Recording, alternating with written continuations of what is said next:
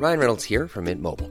With the price of just about everything going up during inflation, we thought we'd bring our prices down.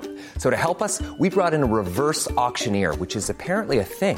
Mint Mobile unlimited premium wireless. Ready to get 30, 30, bit to get 30, bit to get 20, 20, 20, bit to get 20, 20, bit to get 15, 15, 15, 15 just 15 bucks a month. So, Give it a try at mintmobile.com slash switch. $45 upfront for three months plus taxes and fees. Promo for new customers for limited time. Unlimited more than 40 gigabytes per month. Slows. Full terms at mintmobile.com.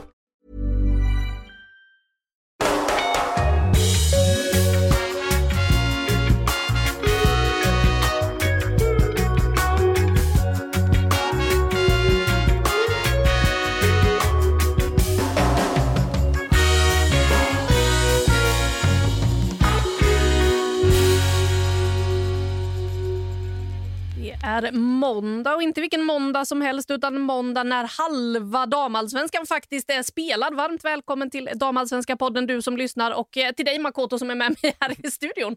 Ja, tack. För ovanlighetens skull. Jag kom på just det, halva serien är spelad, ja, vi har kommit halvvägs. Det, man tänker inte på det så ofta, men det är ju faktiskt så, 11 omgångar, ingen haltande tabell på något sätt. Vi är exakt halvvägs här och nu.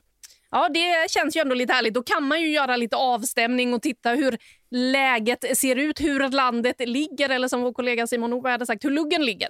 Ja, precis, hur luggen ligger, det är, det är viktigt att alltid ha koll på. Min lugg är väl ganska rörig, men det är den alltid. Och jag har vant mig vid det och bara accepterat det faktum. Jag kommer inte få ordning på den där luggen. Lite mer ordning på tabellen skulle jag säga som ändå ja, till viss del satt sig. Vi har vissa strider, vi har vissa lag som har det roligare än andra och lär ha det roligare än andra när liksom serien fortskrider här in på andra halvan.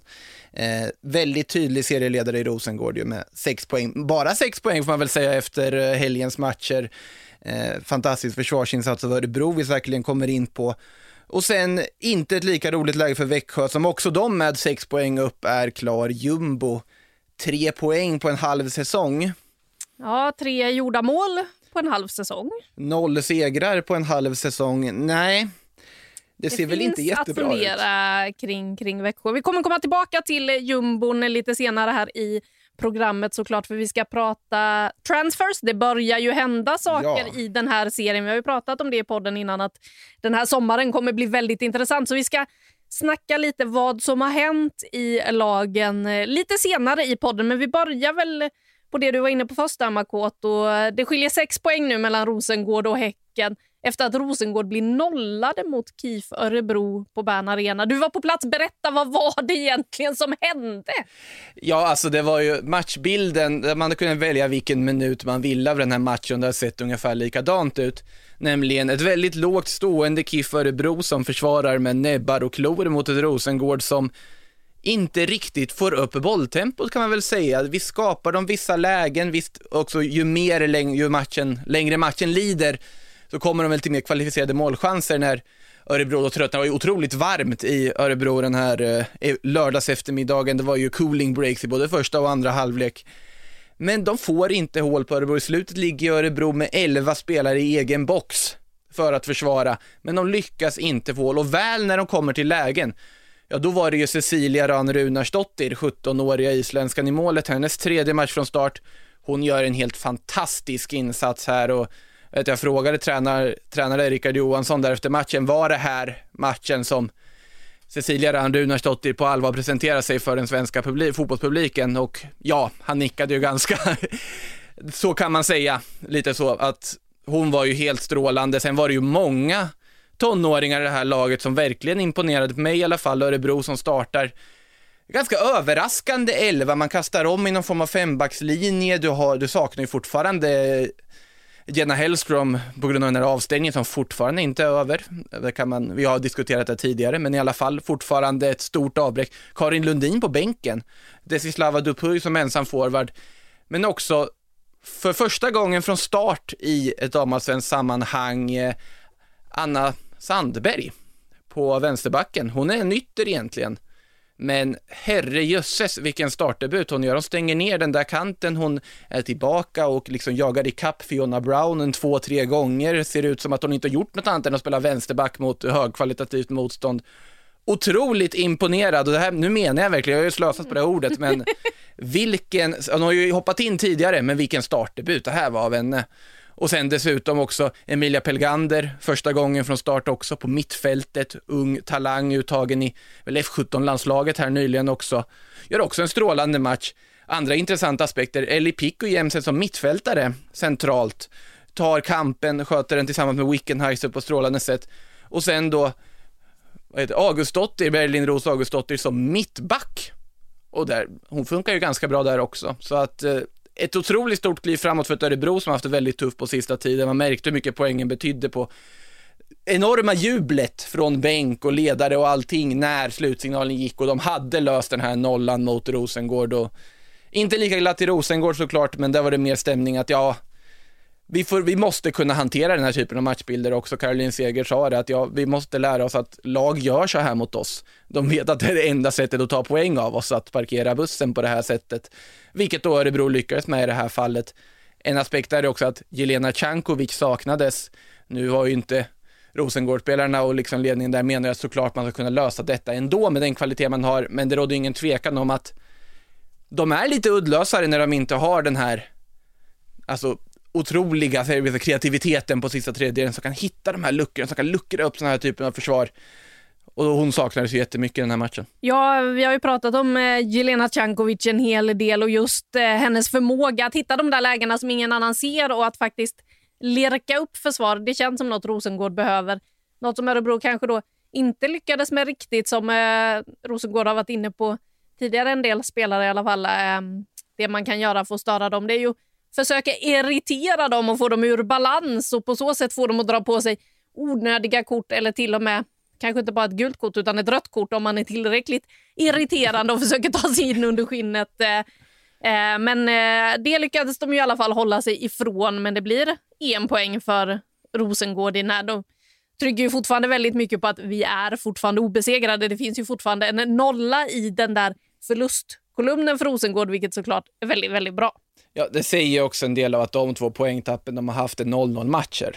Att det där försvaret, det har de verkligen fixat. Fyrbackslinjeskiftet de gjorde inför säsongen är bevisligen ett ja, ett genidrag egentligen på att det går ju inte att göra mål på dem i princip.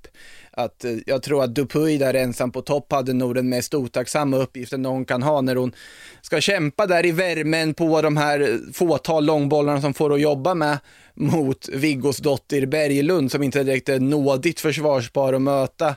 Nu ska de ju dessutom värvat in tysk landslagskvalitet i det där försvarsledet i form av Bianca Schmidt, 50 A-landskamper för Tyskland som att de behövde det till att lägga till på försvaret. Det är ju en otroligt styrkebesked att göra en sån värvning också till ett försvar som redan är ja, i princip ogenomträngligt stundtals. Ja, två insläppta mål har det blivit på 11 matcher för Rosengård och ja, det är ju en markering såklart.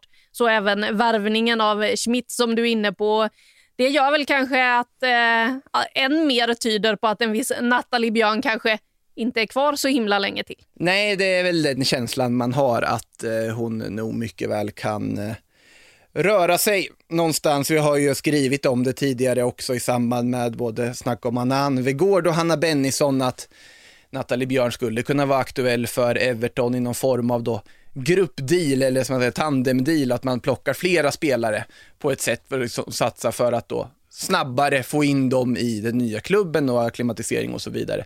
Sen får vi väl se när det blir klart och hur det blir klart och vilken klubb det blir och så vidare. Men det känns ju som att Nathalie Björn i det här stället, hon är i karriären, med alltså varit bofast i landslaget länge, såklart hon ändå blickar nog utomlands och tittar på att det finns möjligheter där och det känns ju som en rimlig sak att ske under sommaren och att de plockar in Schmidt som dessutom är ganska mångsidig som försvarare dessutom.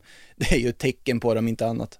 Ja, ett eh, styrkebevis från Rosengård. Vi kommer komma tillbaka till de här eh, spelarna som du nyss nämnde vid namn om en liten stund. För sen förra podden spelades in så har ju OS-truppen tagit ut. Men innan vi pratar om den så ska vi prata om Häcken-Kristianstad. Ja, just det. OS-truppen har ju tagits ut efter det senaste avsnittet. Jag tänkte att det känns som en evighet sedan den togs ut. Ja, vi har diskuterat den i många former, men inte i podden sen den togs ut. Så den kommer vi tillbaka till. Men först så hade vi ju ett toppmöte mellan Häcken och Kristianstad. Och herregud vilken målfest det blev. Det, det var väl kanske inte vad jag hade väntat mig när jag såg att eh, det var dags för Häcken-Kristianstad. 6-2. Nej, det, man undrar ju hur det gick till. Lite så att det är ju inte, man, alltså Häcken kan göra mål och eh, även om de gick nollade mot Rosengård så vet vi att det är ett av seriens absolut bästa offensiva lag. De har så otroligt många olika sätt de kan skapa målchanser på. De har seriens absolut målgladaste och formstarkaste forward, Stina Blackstenius, som gör mål på allt som går att göra mål på, jagar på allt som går att jaga på och dessutom mycket sparkapital. Och i den här matchen har de också en otroligt revanschsugen Johanna Rytting Kaneryd som går in med inställningen och visar att, ja, titta på det här landslagsledningen, vad det är ni inte får med till Tokyo. Det visar ju hon i den första halvleken när hon bara går och ja, som en virvelvind i princip kör över ett av seriens eh, kanske allra bästa lag i Kristianstad. Det är ju faktiskt ett topplag vi pratar om. Det är inte att de går och kör över typ Piteå eller Växjö med all respekt till dem. Det är Kristianstad de går och bara, ja, kör över fullkomligt och bara det är ju, ja, skaplig signal till resten av serien att nej, vi har inte gett upp den här guldstriden hur mycket ni än säger att Rosengårds eh, liksom poäng avstånd är ointagligt, så nej det är inte ointagligt i våra vi kommer göra allt som det går under resten av halvan av säsongen att faktiskt ta sig tillbaka. Och de har redan tagit in två poäng. Så att. Ja, de har ju det. Jag var snabb och smsade det till dig att nu är det bara sex poäng kvar. jag som då har mitt eh, guldtips på Häcken jämfört med eh, dig och Kristoffer som har Rosengård. Det ser ju absolut ljusare ut för er just nu. Jag håller också på att prata för att jag samtidigt är inne och letar lite. För Vi har fått en fråga från eh, Lina. Jag efterlyste lite frågor på sociala medier igår inför den här inspelningen. Och Lina undrar om Stina Blackstenius redan har avgjort skytteligan. Hon gjorde ju alltså hattrick i helgen. Hon är uppe på 11 mål på 11 matcher. Det är ju en siffra som eh, är eh, nästan lika imponerande som Rosengårds enbart två insläppta mål.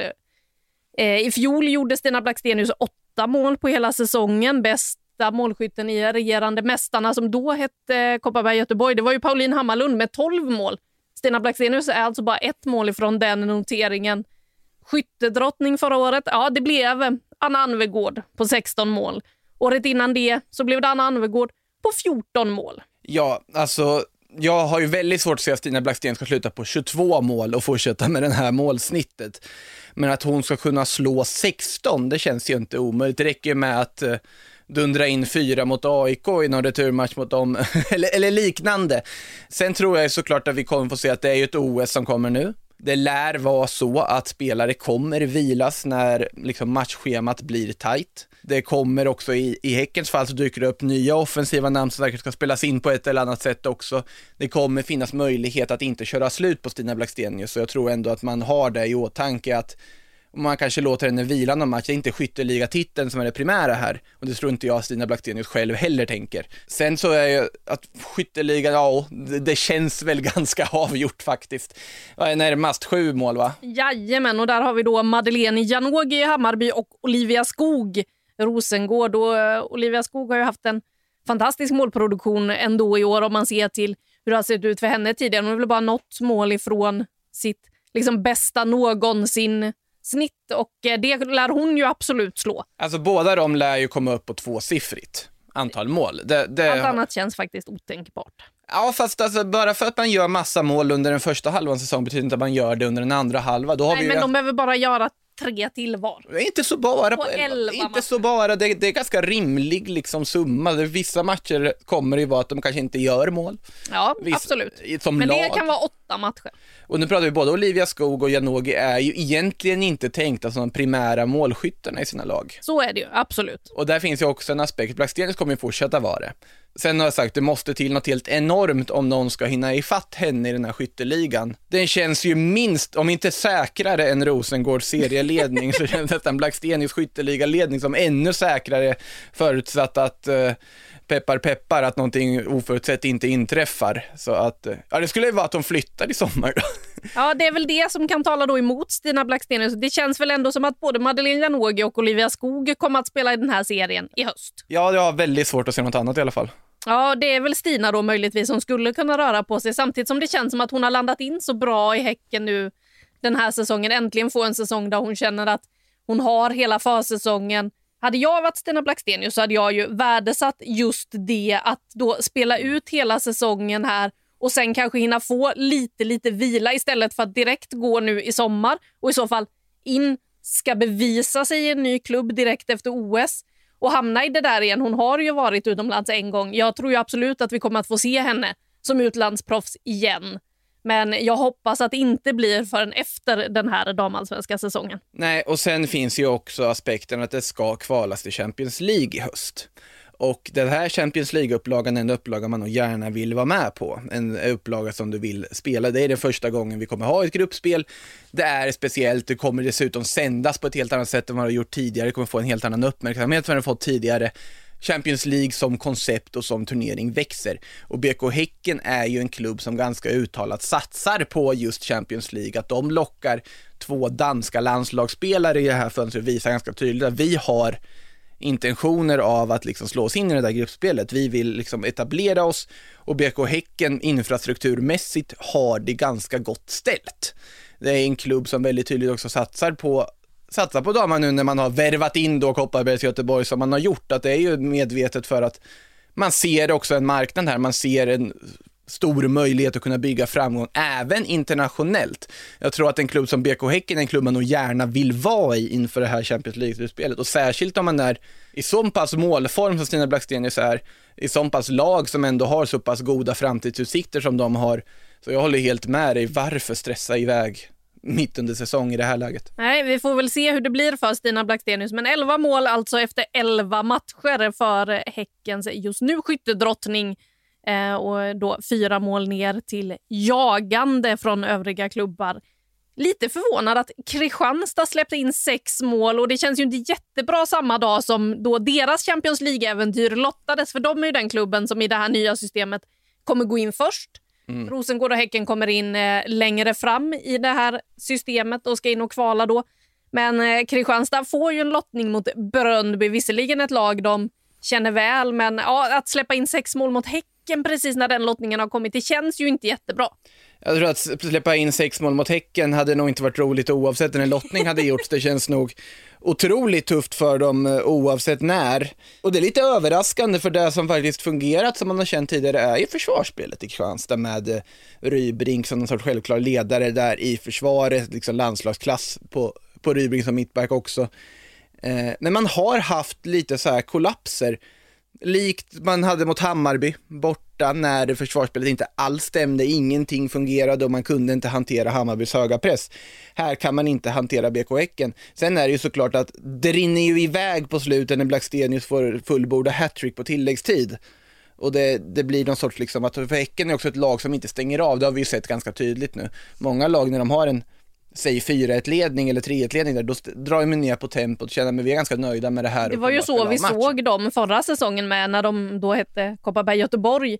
De vann ju inga matcher med stora siffror så som Rosengård gjorde förra säsongen utan det var 2-0-segrar ungefär. Det kändes verkligen då som att de lite mer, okej okay, nu kontrollerar vi matchen, nu stänger vi av, alltså det behöver inte rinna iväg. Lite mer så kändes det ju förra säsongen i år är det full gas hela vägen. Ja, men det, det, frågan är om inte det är uttalat. Det är där man tror liksom att det är lite som eh, alltså, så här Pep Guardiola-stil på det. Om man tittar på när han tränade i Barcelona förr i tiden var det ett lag som aldrig stängde av och det var liksom diskussioner om de var osportsliga på att de bara körde över stackars motstånd när de låg med 8-0 och började fira mål när de hade 9-0. Eller som USA mot Thailand i VM 2019 när de firade, var det 13-0 mål och allting och det var liksom eh, TV-puckshög på det. Det är, inte, det är inte som att liksom Häcken bara överdrivet firar varenda mål, det är inte det jag säger, men det här med att inte lägga ner, att alltid spela på att vi ska göra det bästa hela tiden. Det är ju en styrka i sig att kunna ha det och det är ju det som också ger den här typen av storsegrar som det blir mot lag som kanske inte riktigt orkar hålla uppe den energin när de vet att loppet är kört, som Kristianstad i det här fallet. Och då är det då rinner in ett 5-2 mål och ett 6-2 mål när klockan passerat 90. Annars så gör det ju inte det om man bara ska spela av en match, så att det ligger nog något i att Häcken, till synes i alla fall, har eh, ändrat sin approach på det, det sammanhanget. Ja, och i den här matchen kom de ju också ut i ett väldigt högt tempo eh, i Häcken. Kristianstad stod för en hel del slarv, tappade boll i avgörande lägen. Och sen så där de inte ska tappa boll, det slarvades en del från Kristianstads sida, vilket ju också då... Det första målet kom ju efter ett skott från Stina Blackstenius där Melina Lock i målet i Kristianstad släpper ut en retur där då en framrusande Johanna Rytting Kaneryd kommer som eh, en spjutspets. Verkligen vill. Hon ville ju väldigt mycket i den här matchen. Hon hade en otrolig fart, så sådär som vi såg henne lite på försäsongen och också som man såg henne lite i landslaget, något som vi kanske har saknat en del under den här första halvan av eh, damallsvenskan från Rytting Kaneryd. Men det kändes verkligen som att hon, som du var inne på i början, ville ge svar på tal till Peter Gerhardsson, för hon är ju en av spelarna som helt lämnades utanför OS-truppen. Hur förvånad blev du över det? Jag blev väldigt förvånad att hon inte ens fanns med som reserv, det måste jag säga. Att med tanke på det förtroende hon har fått under liksom för, det som har föranlett den här uttagningen i matcherna och dessutom även gjort väl ifrån sig i dem så var jag i alla fall väldigt förvånad för det här var ju ändå en spelare som i princip alla, ja, experter, nu gör jag citationstecken här för mig själv, eh, ändå var överens om att hon är aktuell för en trupp. Om hon så var med i truppen eller inte i truppen eller som reserv, det var lite olika, men i alla fall hade väl alla nästan med henne som någon form av reserv. Att hon inte är med överhuvudtaget, det överraskar. Att hon inte är med i själva grundtruppen på de 18 som var, nu är ju hela truppen 22, trots allt, för de fick igenom den här ändringen. Men att hon inte var med bland de första 18 där, det var väl inte jätteöverraskande för det kändes som liksom hugger och stuckar. Ska man ta med Madeleine Janogy eller Rytting Kaneryd och att Janogy kommer med sett i den formen hon har haft det är inget konstigt tycker jag. Däremot att man då på reservlistan, då har ju Anna Anvegård varit ett sånt namn som nästan räknat bort på att hon har haft den vår hon har haft. Men det säger också en del om vilken enorm högsta potential som hon har, som Peter Gerhardsson vet att Anna Anvegård besitter, att hon ändå tar sig in i den här truppen. Sen tycker jag att det är överraskande att man tar med två centrala forwardsalternativ bland reserverna. Jag vet att Gerhardsson förklarade ju det här med att ja, men det är en position som är väldigt viktig och vi vill se till att ha liksom backup där verkligen, för vi har inte så många andra alternativ där. Men det är också en position på planen. Det känns som att en spelare som Johanna Rytting Kaneryd som kan gå in och spela wingback, hon kan spela ytter, hon kan, skulle kunna spela central mittfältare också om det skulle behövas hade ju så här, truppmässigt varit ett bättre alternativ på så sätt. Ungefär som Julia Roddar då kommer in och nu ska tydligen täcka försvar och mittfält. som en så reserv. Hon ska verkligen vara superersättaren. All, allt i allon Julia Roddar, det är hon ju väldigt bra på också. Det ska sägas, eh, också uppskatta liksom och landslagsledningen gör alltid sitt jobb, klagar aldrig liksom. Man vet precis vad man får av Julia Roddar. Ja, och där kan man ju säga också att hon var ju den enda utespelaren som inte fick en spelminut eh, under VM 2019. Det Annars så- hoppas man att hon får nu. Att hon får ett inhopp absolut. mot Nya Zeeland eller någonting. Alltså. Ja, men samtidigt så var det ju inte så att Julia Rodar klagade över det här utan Nej. hon eh, gav ju hela tiden allt. Vilket ju såklart Gerhardsson och Wikman kommer ihåg i det här läget när man väljer att ta ut henne som reserv. För det var ju det man tog ut henne som. Nu är hon ju inte det längre men hon togs ut som en reserv och man kände väl lite kanske att ja, men hon kommer klara det mentala som det blir att sitta vid sidan och vara beredd på att hoppa in för precis vem som helst. Ja, precis. Utom den där centrala anfallaren. Ja, för där har vi två andra som ska in. Eh, jag tycker såklart att Rebecka Blomqvist med de egenskaper hon har och spelar i Wolfsburg liksom vecka ut och vecka in, såklart hon är bra nog att vara med i en trupp också. Jag förstår varför Anna Anvegård är med. Men jag tycker ändå sammantaget att det är lite under. Jag förstår att Johanna Rytting Kaneryd är besviken. Jag förstår att hon nästan är lite chockad och överraskad över det här beslutet. Att hon inte ens var med som reserv så att säga. Sen är det ju jättehård konkurrens såklart. Men sett till indikationerna man fått innan så var ju det här det klart mest överraskande, ja, petningen om man får säga så då, i den här truppen.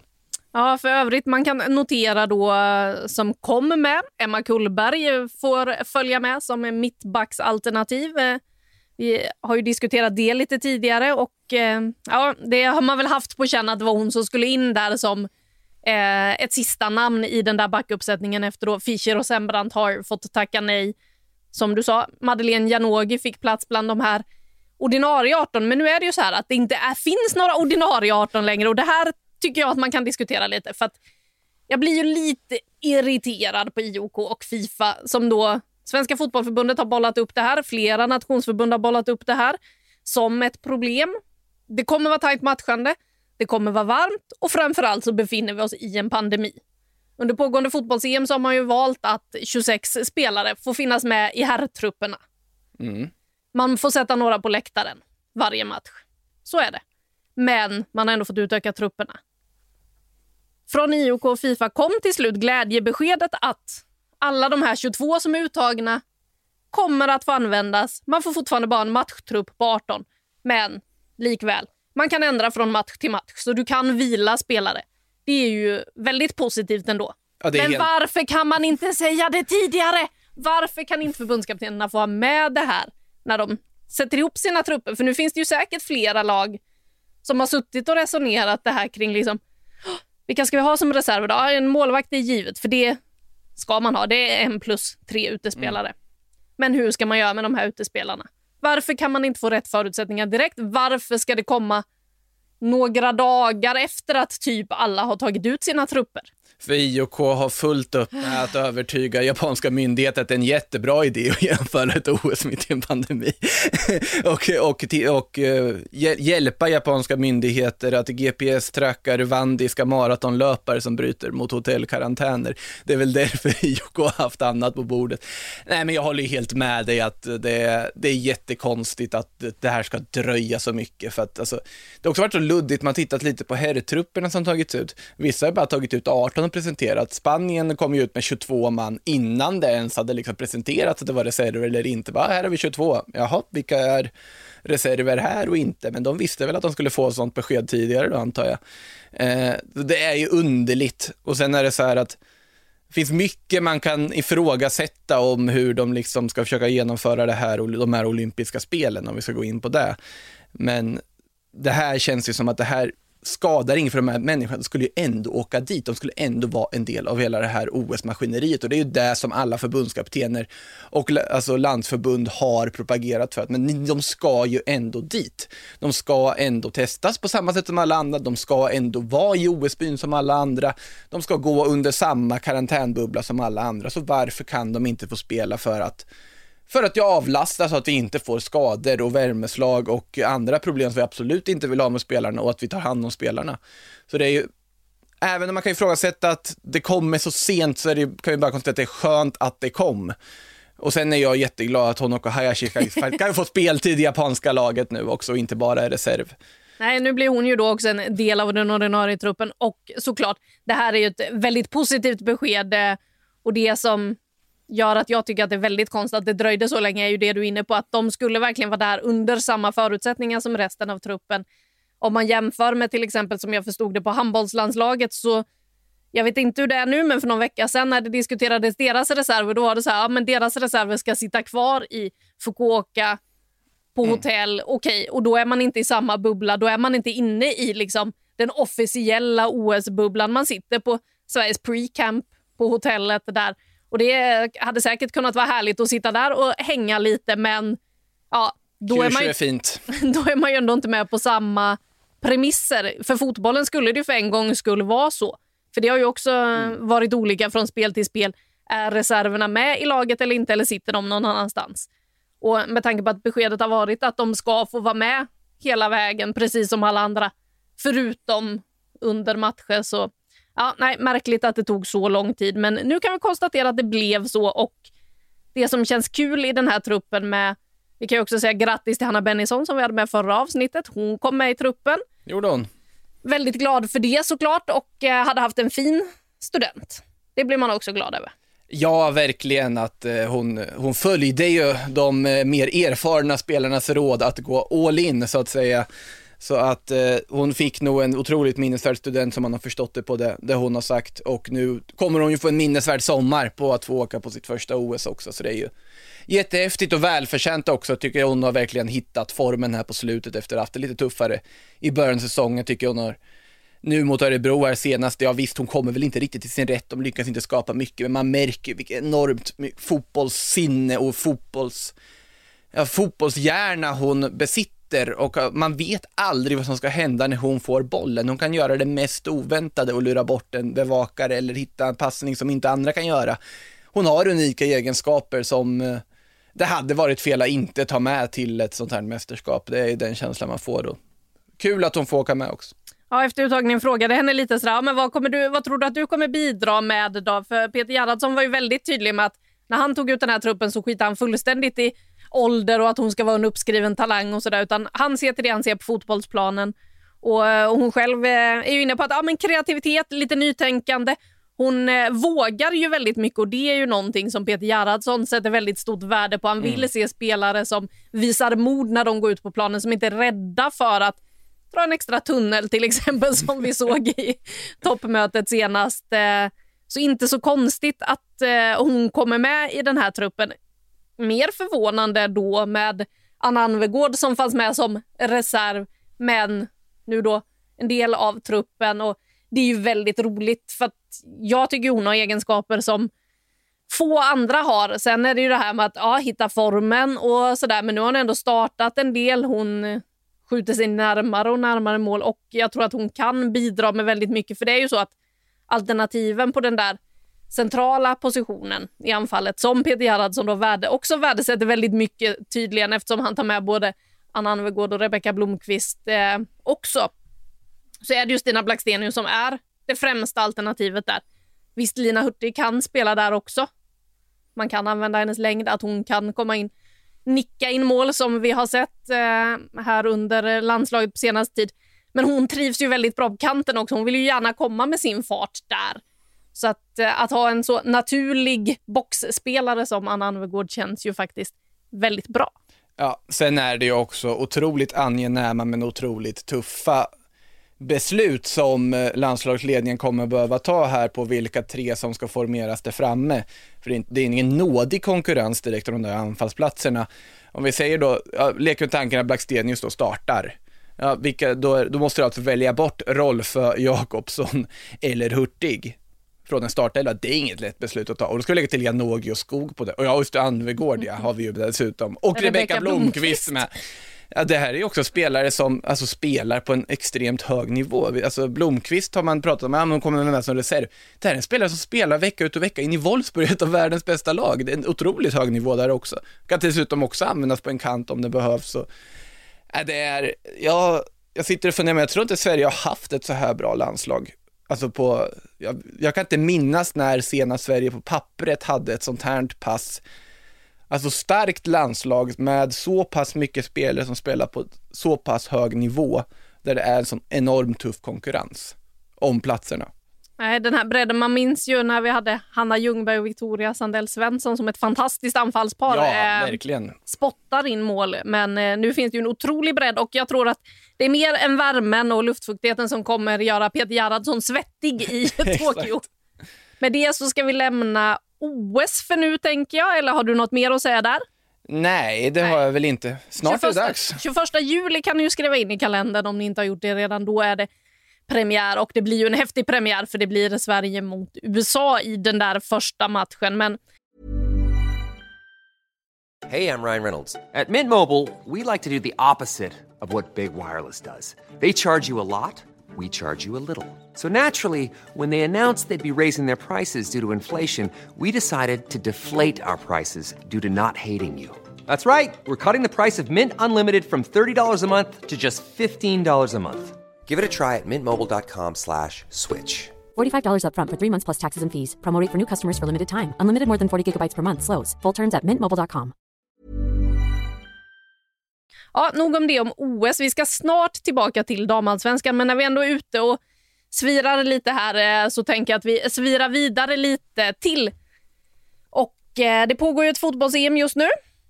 Ja. Och eh, Det finns ju en sak som har irriterat inte bara mig. Jag har sett det uppmärksammas på sociala medier. Jag har ingen aning om vart du är på väg nu, helt ärligt. Nej.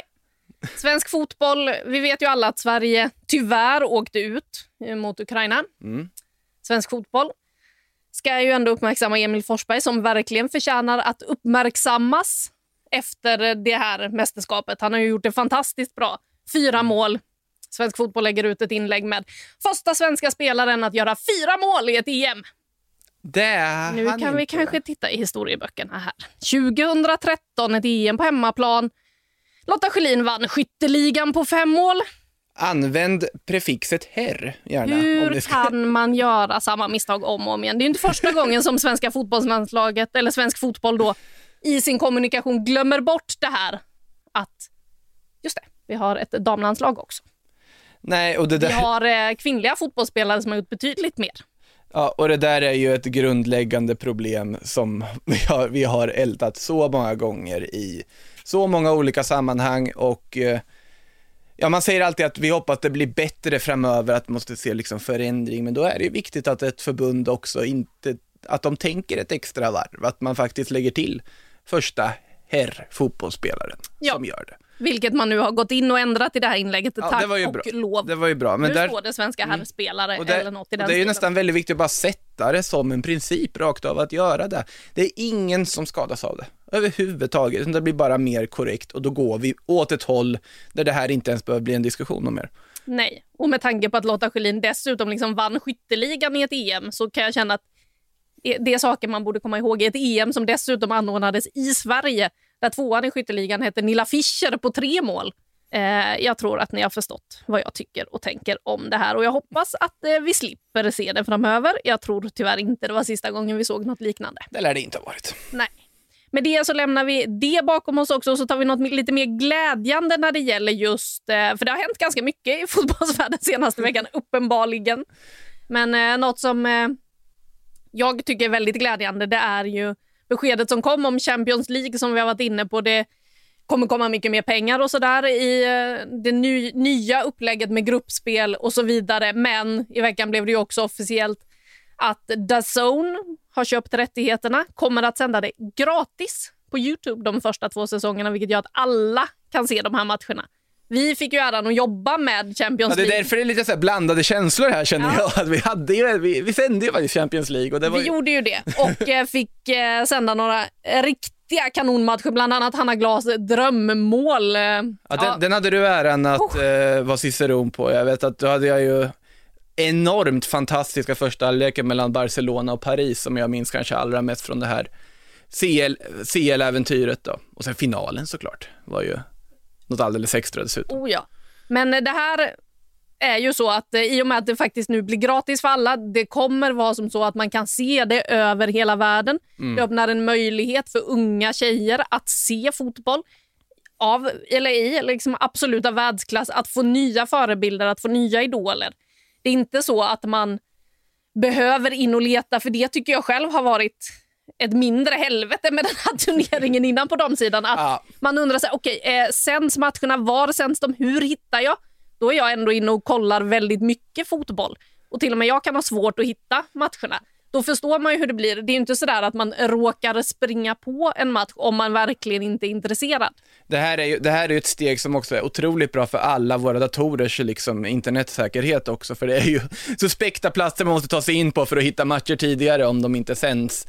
Eh, det här, alltså för er som, jag ska inte åter, eh, återberätta hela det här samtalet, men för er som undrar vad Caroline Seger tänker om det, här finns det ju text på Sportbladet där hon pratar om just det där och det är ganska tydligt på Caroline hur mycket hon också brinner för det här avtalet och hur glad hon är att det nu att det faktiskt är lite av en milstolpe för den här turneringen och ett väldigt viktigt steg. Och just att det sänds här på YouTube gratis, så pass lättillgängligt, det är ju jätteviktigt och jättekul. Även om det inte är vi som avsänder den mer.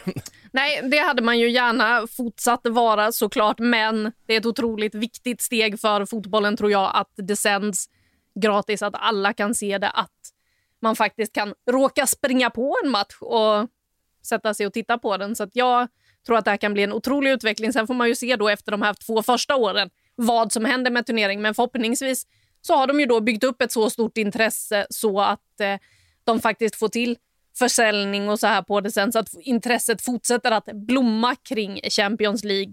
Det om det. Vi ska ju ha tre damallsvenska klubbar i den här turneringen också kvala. Som vi var inne på innan. Kristianstad går ut mot Bröndby som första svenska lag. Eh, nu ska vi titta lite mer vad som hänt i den här serien, för vi har bara varit i toppen än så länge. Sant. Det är dags för eh, dagens gäst tror jag. Ja, vi har ju pratat en del om Djurgården i den här podden och eh, sen man ändrade till 5-3-2 så har det blivit åtta poäng på fyra matcher. Eh, Vi har med oss dagens gäst, Kila van den Bulk, lagkapten för det här eh, Djurgården. Eh, Kila, åtta poäng på fyra matcher måste kännas ganska bra, va? Ja, det känns, eh, det känns bra. Uh, speciellt efter, efter början. Uh, så ja, hade ju fem raka förluster och sen uh, känns det lite bättre med, med poäng som, eh, som börjar rulla in. Vad säger du om er eh, förändring då? För att de här poängen har ju kommit sen när ni ändrade till att spela 5-3-2 istället och var, ha en fembackslinje med era wingbacks som fyller på uppåt. Ja, precis. Vi känner att vi släppte, släppte in lite för enkla mål och eh, att vi ofta skapar chanser från en bra defensiv. Um, och uh, så det är därför vi har ändrat. Um, och uh, resultaten visar att, uh, att det är en, förbättring för oss. Så det känns ju bra. För din egen del då, du har ju fått spela mycket mittback här, eh, fast du har varit mittfältare tidigare och så. Känner du dig som en mittback nu för tiden?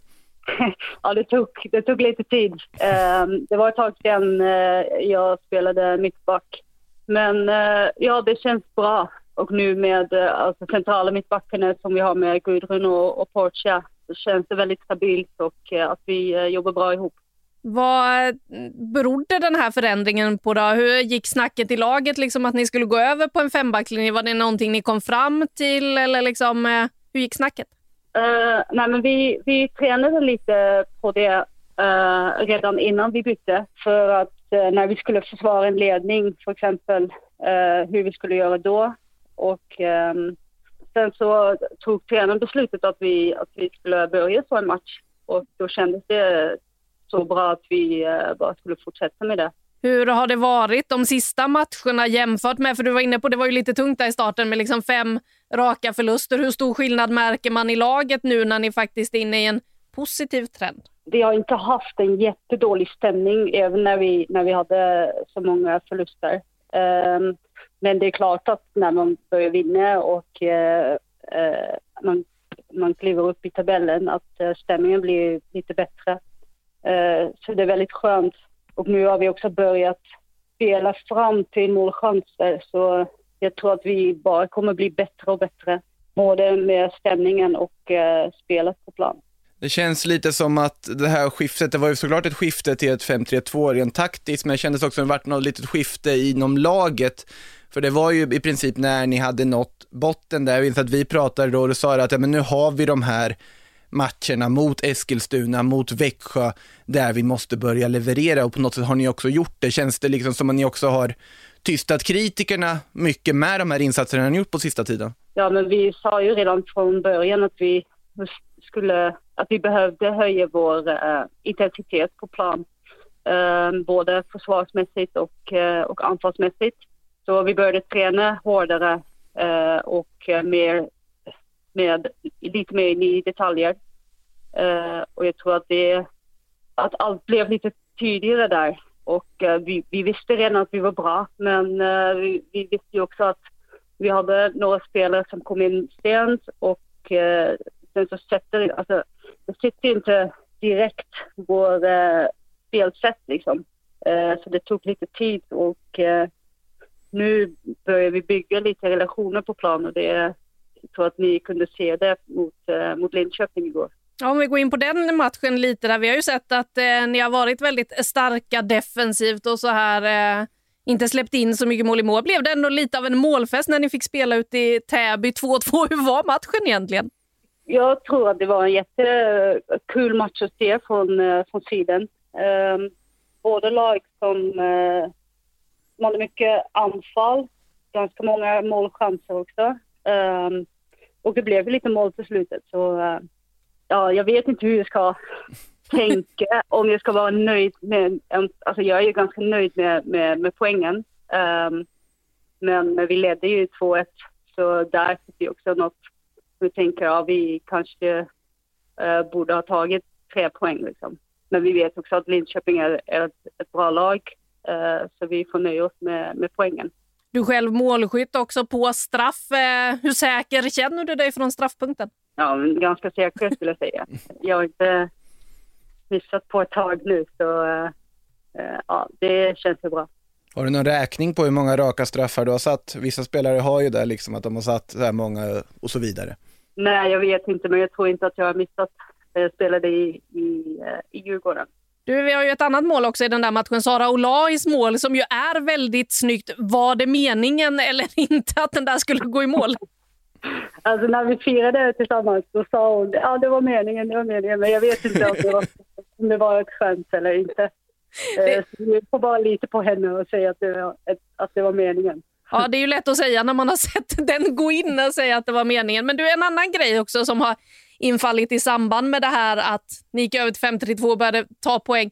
Det är ju också att publiken har kommit tillbaka på läktaren. Matchen mot Eskilstuna på Stockholms stadion var första gången ni fick ha 500 på plats. Hur mycket betyder det för er som spelare att ha publiken på plats igen? För mot Eskilstuna så var det ju ett jäkla tryck på Stockholms stadion. Mm. Nej, det är jätteviktigt för oss och eh, det, det är kul att, eh, att de får visa sin stöd också eh, på plats.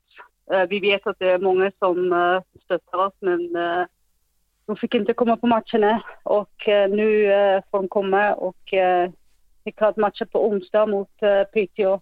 Då är vi tillbaka på vårt hemmaplan och det kommer bli jättekul att se dem igen.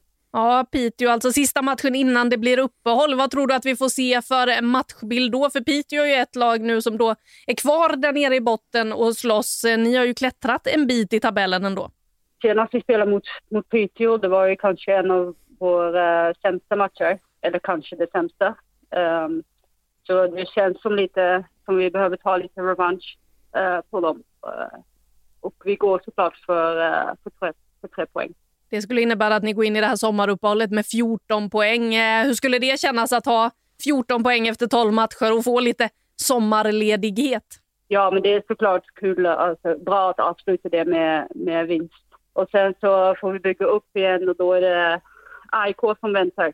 Eh, så det, det är jätteviktigt att vi tar tre poäng i, i onsdag, eller på onsdag. Kila, vi tackar dig så hemskt mycket för att du hade tid att vara med här i podden en stund och önskar stort lycka till på onsdag mot Piteå. Ja, tack själv.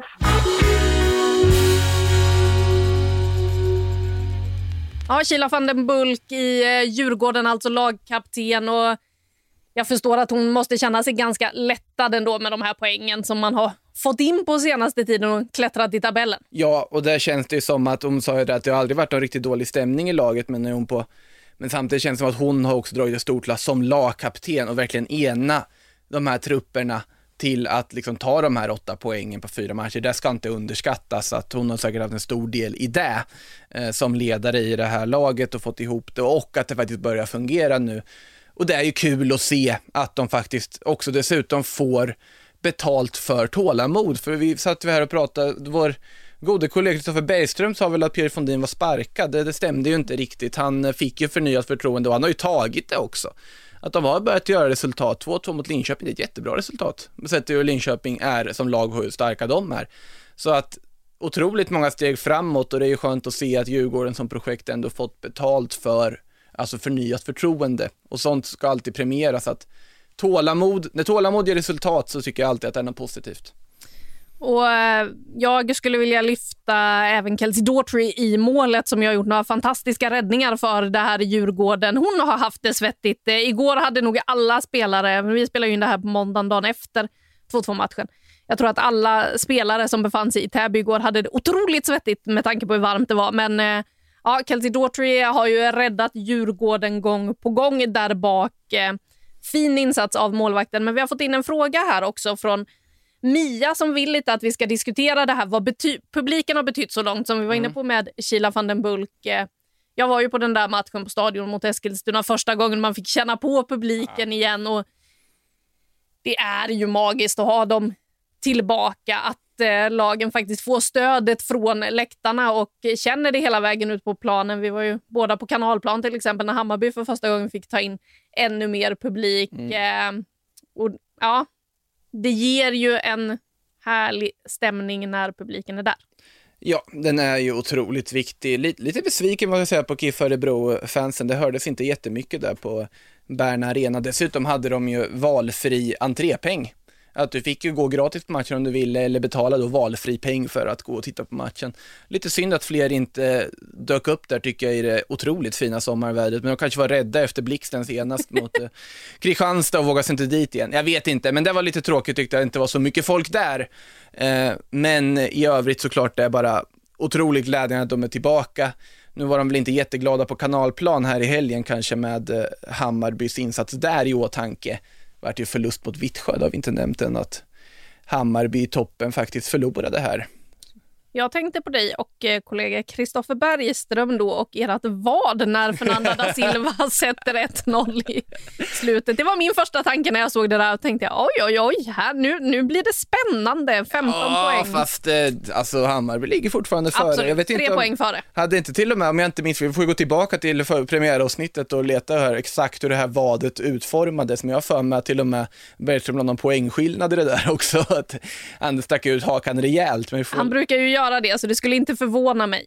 Nej, sen kan vi konstatera så här att hans tips om att Hammarby skulle sätta 10, det, det, det kommer vi inte få se. Nej, det Eh, kommer de, vi de inte få se. kommer, de kommer slåss där uppe, de har ett grundspel. Sen var det också Vittsjö.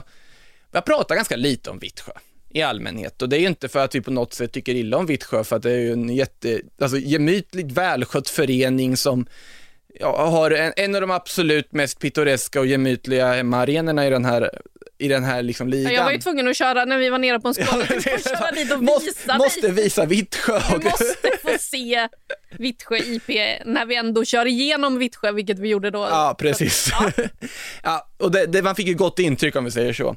Eh, men det är ju alltså, det är ett stabilt lag. Man vet precis vad man får av dem och där var ju något sätt att de föll inte i fällan mot Hammarby. De hade, de kontrollerade, Hammarby var ganska pigga första 10-15, men efter det så var det inte så mycket mer för att Vittsjö är liksom det är ett väldigt bra fotbollslag på all, alla fronter. De har spelare som kan göra mål i form av Gielnik och Fernanda och så vidare. De har spelare som kan assistera mål i form av Ebba Hed till exempel. De har ett robust, starkt försvar. Alltså, bara att plocka Polkinghorn inför säsongen, australiensisk eh, alltså landslagsback med den rutinen hon har. Att en klubb som Vittsjö kan göra det tycker jag är oerhört imponerande, något man pratar allt för lite om, att det här är faktiskt en enorm värvning för en sån klubb av den storleken, att kunna lyckas genomföra det. Och det funkar, de sticker inte ut egentligen på något sätt, men de sticker aldrig ut på något dåligt sätt heller, de faller aldrig ihop. Det fungerar bara liksom allmänt och de tar sina poäng. Sen är det att det kommer nog inte räcka till att kanske börja slåss om CL-platserna tror jag, om inte andra klubbar fallerar. Men de är ju med där på övre halvan och är ett otroligt etablerat lag i den här serien och eh, det var lite på rutin som man lyckas lösa den här segern mot Hammarby tror jag. Ja, och eh, vi har ju också då fått in en del frågor. Nu går vi vidare från publiken till det här med nyförvärv. Och Thomas undrar vad vi tror om Växjös nyförvärv. Vi ska dit alldeles strax, men jag kan ju tycka att för just Vittsjö så känns det som att de utan att värva just nu faktiskt eh, står för några av de starkaste korten i den här leken. Man har en Julia Tontori som kom tillbaka den här matchen från skada. Man har en Tove Almqvist på gång. Michel de Jong tillbaka från Frankrike. Ja, sparkapitalet i Det, det Vittsjö, finns, det finns. Det, det ser otroligt eh, starkt ut. Så att, ja, jag tror att eh, de kan ha en spännande höst eh, framför sig. Sen får man väl se hur det går. För de har ju faktiskt också lite OS-spelare som ska iväg på Det äventyr. har de ju faktiskt. Det är ju både Gielnik och Polkinghorn åker ju iväg på OS-äventyr, men det är ju lika för de flesta klubbar, egentligen den här serien, i alla fall de som är på den övre halvan, att tongivande spelare spelar i OS för att det är så pass bra lag och så pass hög kvalitet att det är några av av de som spelar i bland de liksom bästa landslagen i världen, som är ordinarie bland de bästa landslagen i världen, faktiskt spelar sin fotboll i damallsvenskan. Eh, så att eh, det är ju jättehäftigt och jag tycker, man kan inte sluta vara imponerad över hur en sån alltså klubb som infrastrukturmässigt är så liten och så familjär kan göra så pass goda resultat och ha en så pass slagkraftig trupp. Nej, men om vi då ska gå till frågan här från Thomas som undrar vad vi tror om Växjös nyförvärv. Jag kom att tänka lite på det här nu när vi pratade med Kila van den Bulk också. Jag hoppas att hon inte jinxade likt Signe Holt Andersen. Jag eh, tänkte på Signe inför där också. säsongen. För Signe Holt Andersen är ju en spelare som har haft problem med att göra mål den här säsongen. Det var hon som skulle göra målen för Växjö. En eh, spelare som verkligen sliter för sitt lag men som inte har fått igång målproduktionen. Och inför säsongen så sa hon ju att ja, men straffpunkten därifrån är jag i alla fall säker. Och så bränner hon en straff i premiären, nu brände hon en senast också eh, i tung förlust för Växjö mot Eskilstuna. En match där man ju lite hade behövt poäng men samtidigt saknar, halv, saknade halva backlinjen. Och, ja. Det står ju klart att Signalt Andersen kommer att lämna Växjö. Det verkar som att hon är på väg en bit söderut. eh, Ser ut att kunna landa i Italien. Eh, Hoppas att det blir eh, bra för Signe Holt Andersen och att hon kommer igång där igen. Men istället då så har Kan ju man gissa på att Elin Landström också hamnar i Italien eller? Eh, jag tror att vi kanske sätter en eh, liten peng på det om det ens är spelbart. Elin Landström som ju alltså ju gör sin sista match i eh, Linköping eh, nu till veckan när Linköping möter Häcken. Efter det så lämnar hon LFC. Nu har hon ju suttit på bänken de senaste matcherna så vi får se om hon får speltid i den här allra sista. Men ja, nej, hon lär väl landa i Italien hon också kan man ju tro. Um, men Växjös nyförvärv då.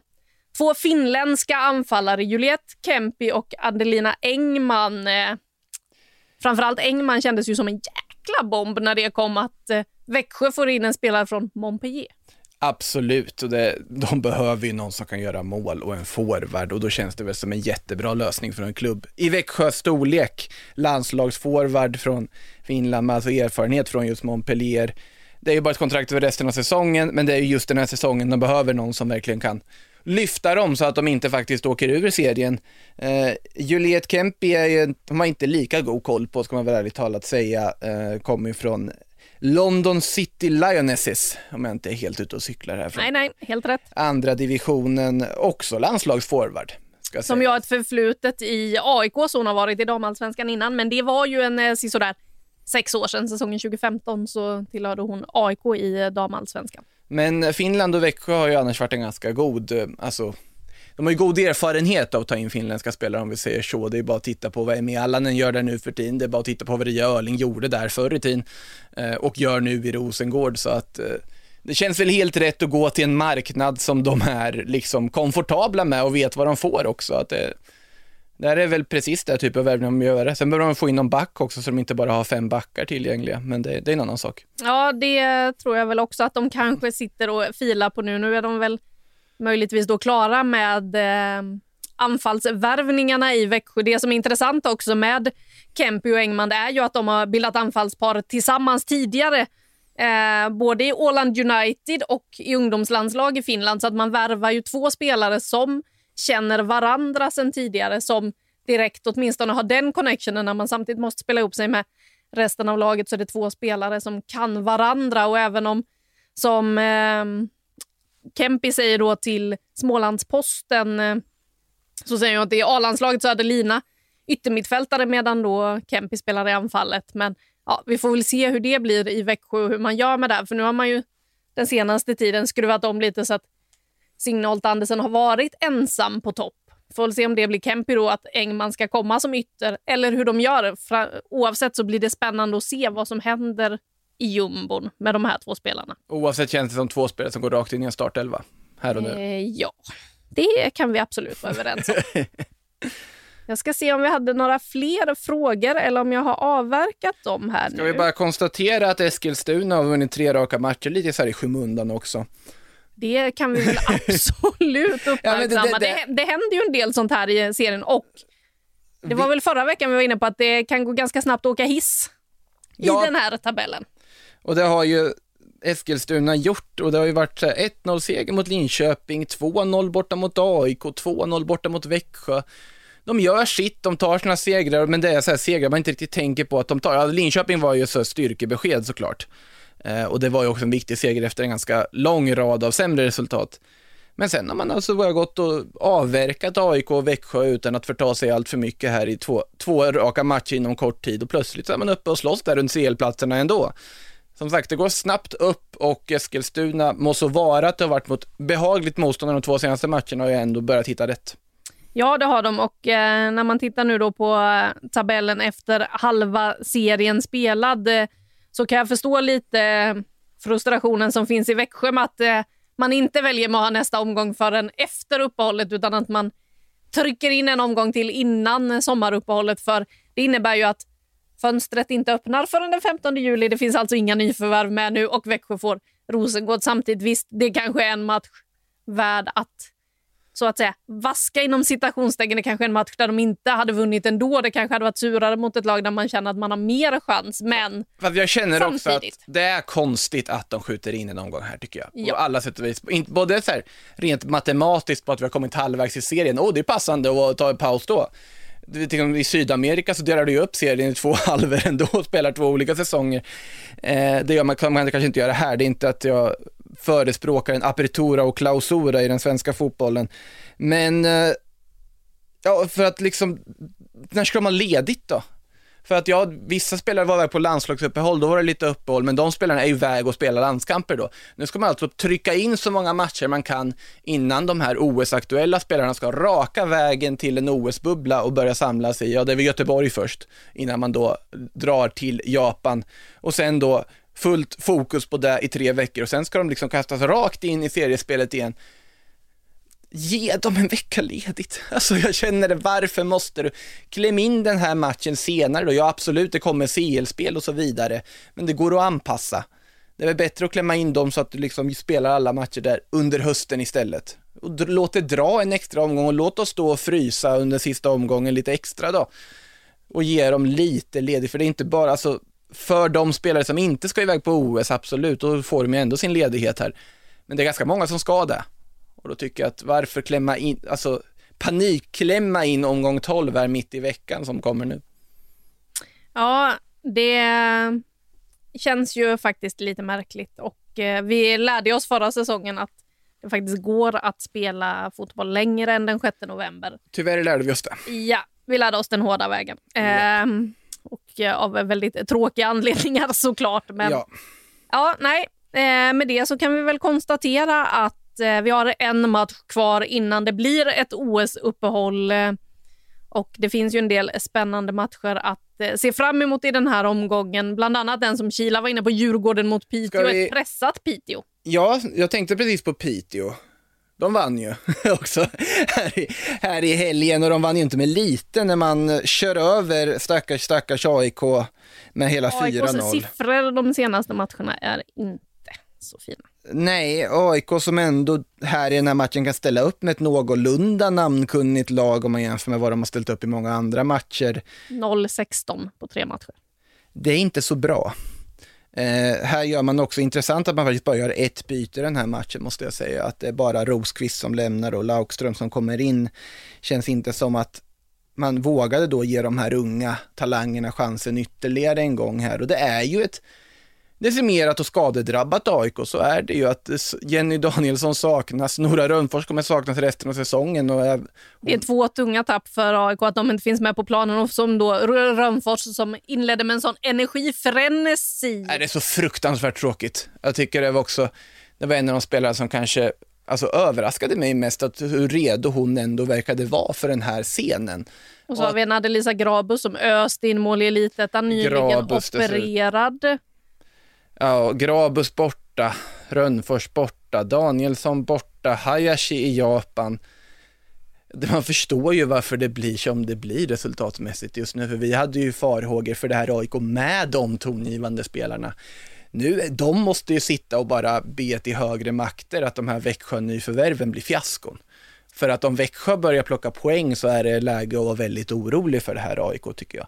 Och sen hoppas väl de själva kanske att få förstärka lite också, få in något namnkunnigt namn, något för att bredda truppen. Ja, Ja, men då är också frågan, är det här AIK i den här statusen, hur attraktiva är de på transfermarknaden?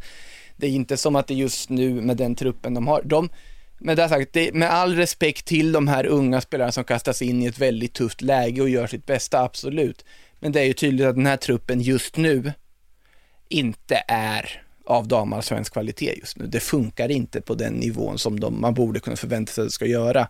Och de ska vara väldigt glada för att det gick så pass bra som det ändå gjorde i början av säsongen. Och de ska vara väldigt glada för att Växjö har gått så dåligt som de har gjort, för annars så skulle situationen vara betydligt värre för AIK.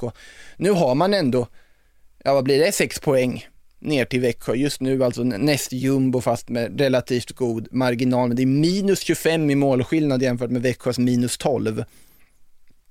Det är ett lag som man har så här svårt att se hur de ska vinna matcher. Det känns som den här matchen när man besegrar Örebro tidigare, man gör kanske de bästa matcherna på hela säsongen. Den är så långt borta nu på något sätt. Man har blivit så van vid att AIK förlorar med stora siffror. Sen är det såklart all heder till Piteå som är också ett svårt läge för de går ut och gör det de ska verkligen och vinner stort och får lite mål och får lite självförtroende här. Men eh, väldigt stor anledning att fortsatt vara orolig för AIK tycker jag. Ja, det är ju det. Och sen så kan man ju säga då till AIKs eh, försvar lite här i och med som du var inne på att de bara gör ett byte i den här matchen. då står det ju fortfarande bara 2-0. Man kan ändå ha en liten förhoppning om att de spelarna som är de ordinarie, med tanke mm. på liksom vad som finns på bänken och hur mycket som saknas och så här. De två sista målen de kommer ju de sista tio minuterna där det verkligen då blir spiken i kistan. Jag menar, hade AIK fått in ett reduceringsmål, ja då hade det sett lite annorlunda ut. Mm. Men nu är det inte så, man har 0-16 på tre matcher. Möter ett eh, Eskilstuna då med tre raka segrar i bagaget precis innan det här uppehållet. Ja, det kanske inte var de hade velat.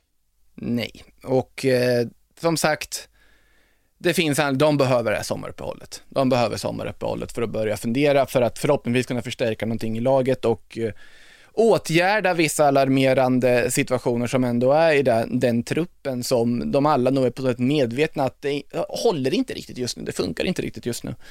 Eh, så de behöver det här uppehållet, utan tvekan. Ja, det känns som att det kan finnas eh, en del lag eh, som gör det och bara får andas lite. Men eh, en härlig omgång kvar som vi får se innan uppehållet. Alltså onsdag, torsdag spelas den, så att det är ju snart match igen. Jag såg att, eh, kommer inte ihåg om det var Vittsjö eller Kristianstad, något av lagen la ut att det är derbyvecka på gång, för där har vi ju då Vittsjö mot Kristianstad att se fram emot. Eh, ja, det finns en hel del höjdpunkter i den här sista omgången innan det är dags för lite sommarlov för en del av spelarna och OS-äventyr för en del andra. Och Sen får vi se vilka vi får med oss. Vilka som är kvar när vi drar igång igen. Ja, just det, så är det ju. Det är väl ett gäng som inte kommer vara med när vi drar igång igen. Vi får se vilka det är. Vissa vet vi ju ska lämna serien nu för andra äventyr, men det lär väl inte vara, alltså det lär ju presenteras fler som ska iväg om vi säger så, än de som redan har presenterats. Eh, men som sagt, onsdag, torsdag, så, och sen är det, sen är det OS. Sen är det OS, men eh, vi kommer tillbaka med en podd till i alla fall innan vi går på sommarlov helt och hållet. Innan vi går på OS menar du? Exakt, det är vårt sommarlov alltså. ja, okej, innan vi åker till Tokyo och eh, bevakar det som sker där. Eh, med det så tror jag väl att den här podden kanske är slut för idag. Highlights det hittar ni som vanligt på sportbladetplay.se. Där hittar ni också samtliga matcher i OBOS damallsvenskan. Vi sänder ju fortfarande allting och eh, har du inget abonnemang eller sådär och känner att du vill se en match, ja då finns det faktiskt ett sommarerbjudande för att köpa pay per view just nu. Så in och kolla, det finns inga ursäkter att missa de här matcherna som spelas nu onsdag, torsdag. Med det så tackar jag Anna Rydén som inte har presenterat mig idag. Jag presenterar mig nu. Folk som eh, lyssnar vet nog vem du är redan. Eh, eventuellt. Man hör att det är hon som inte kan säga R som står här fortfarande. Ja. Med det så stänger vi ner poddbutiken idag och eh, hörs igen nästa vecka.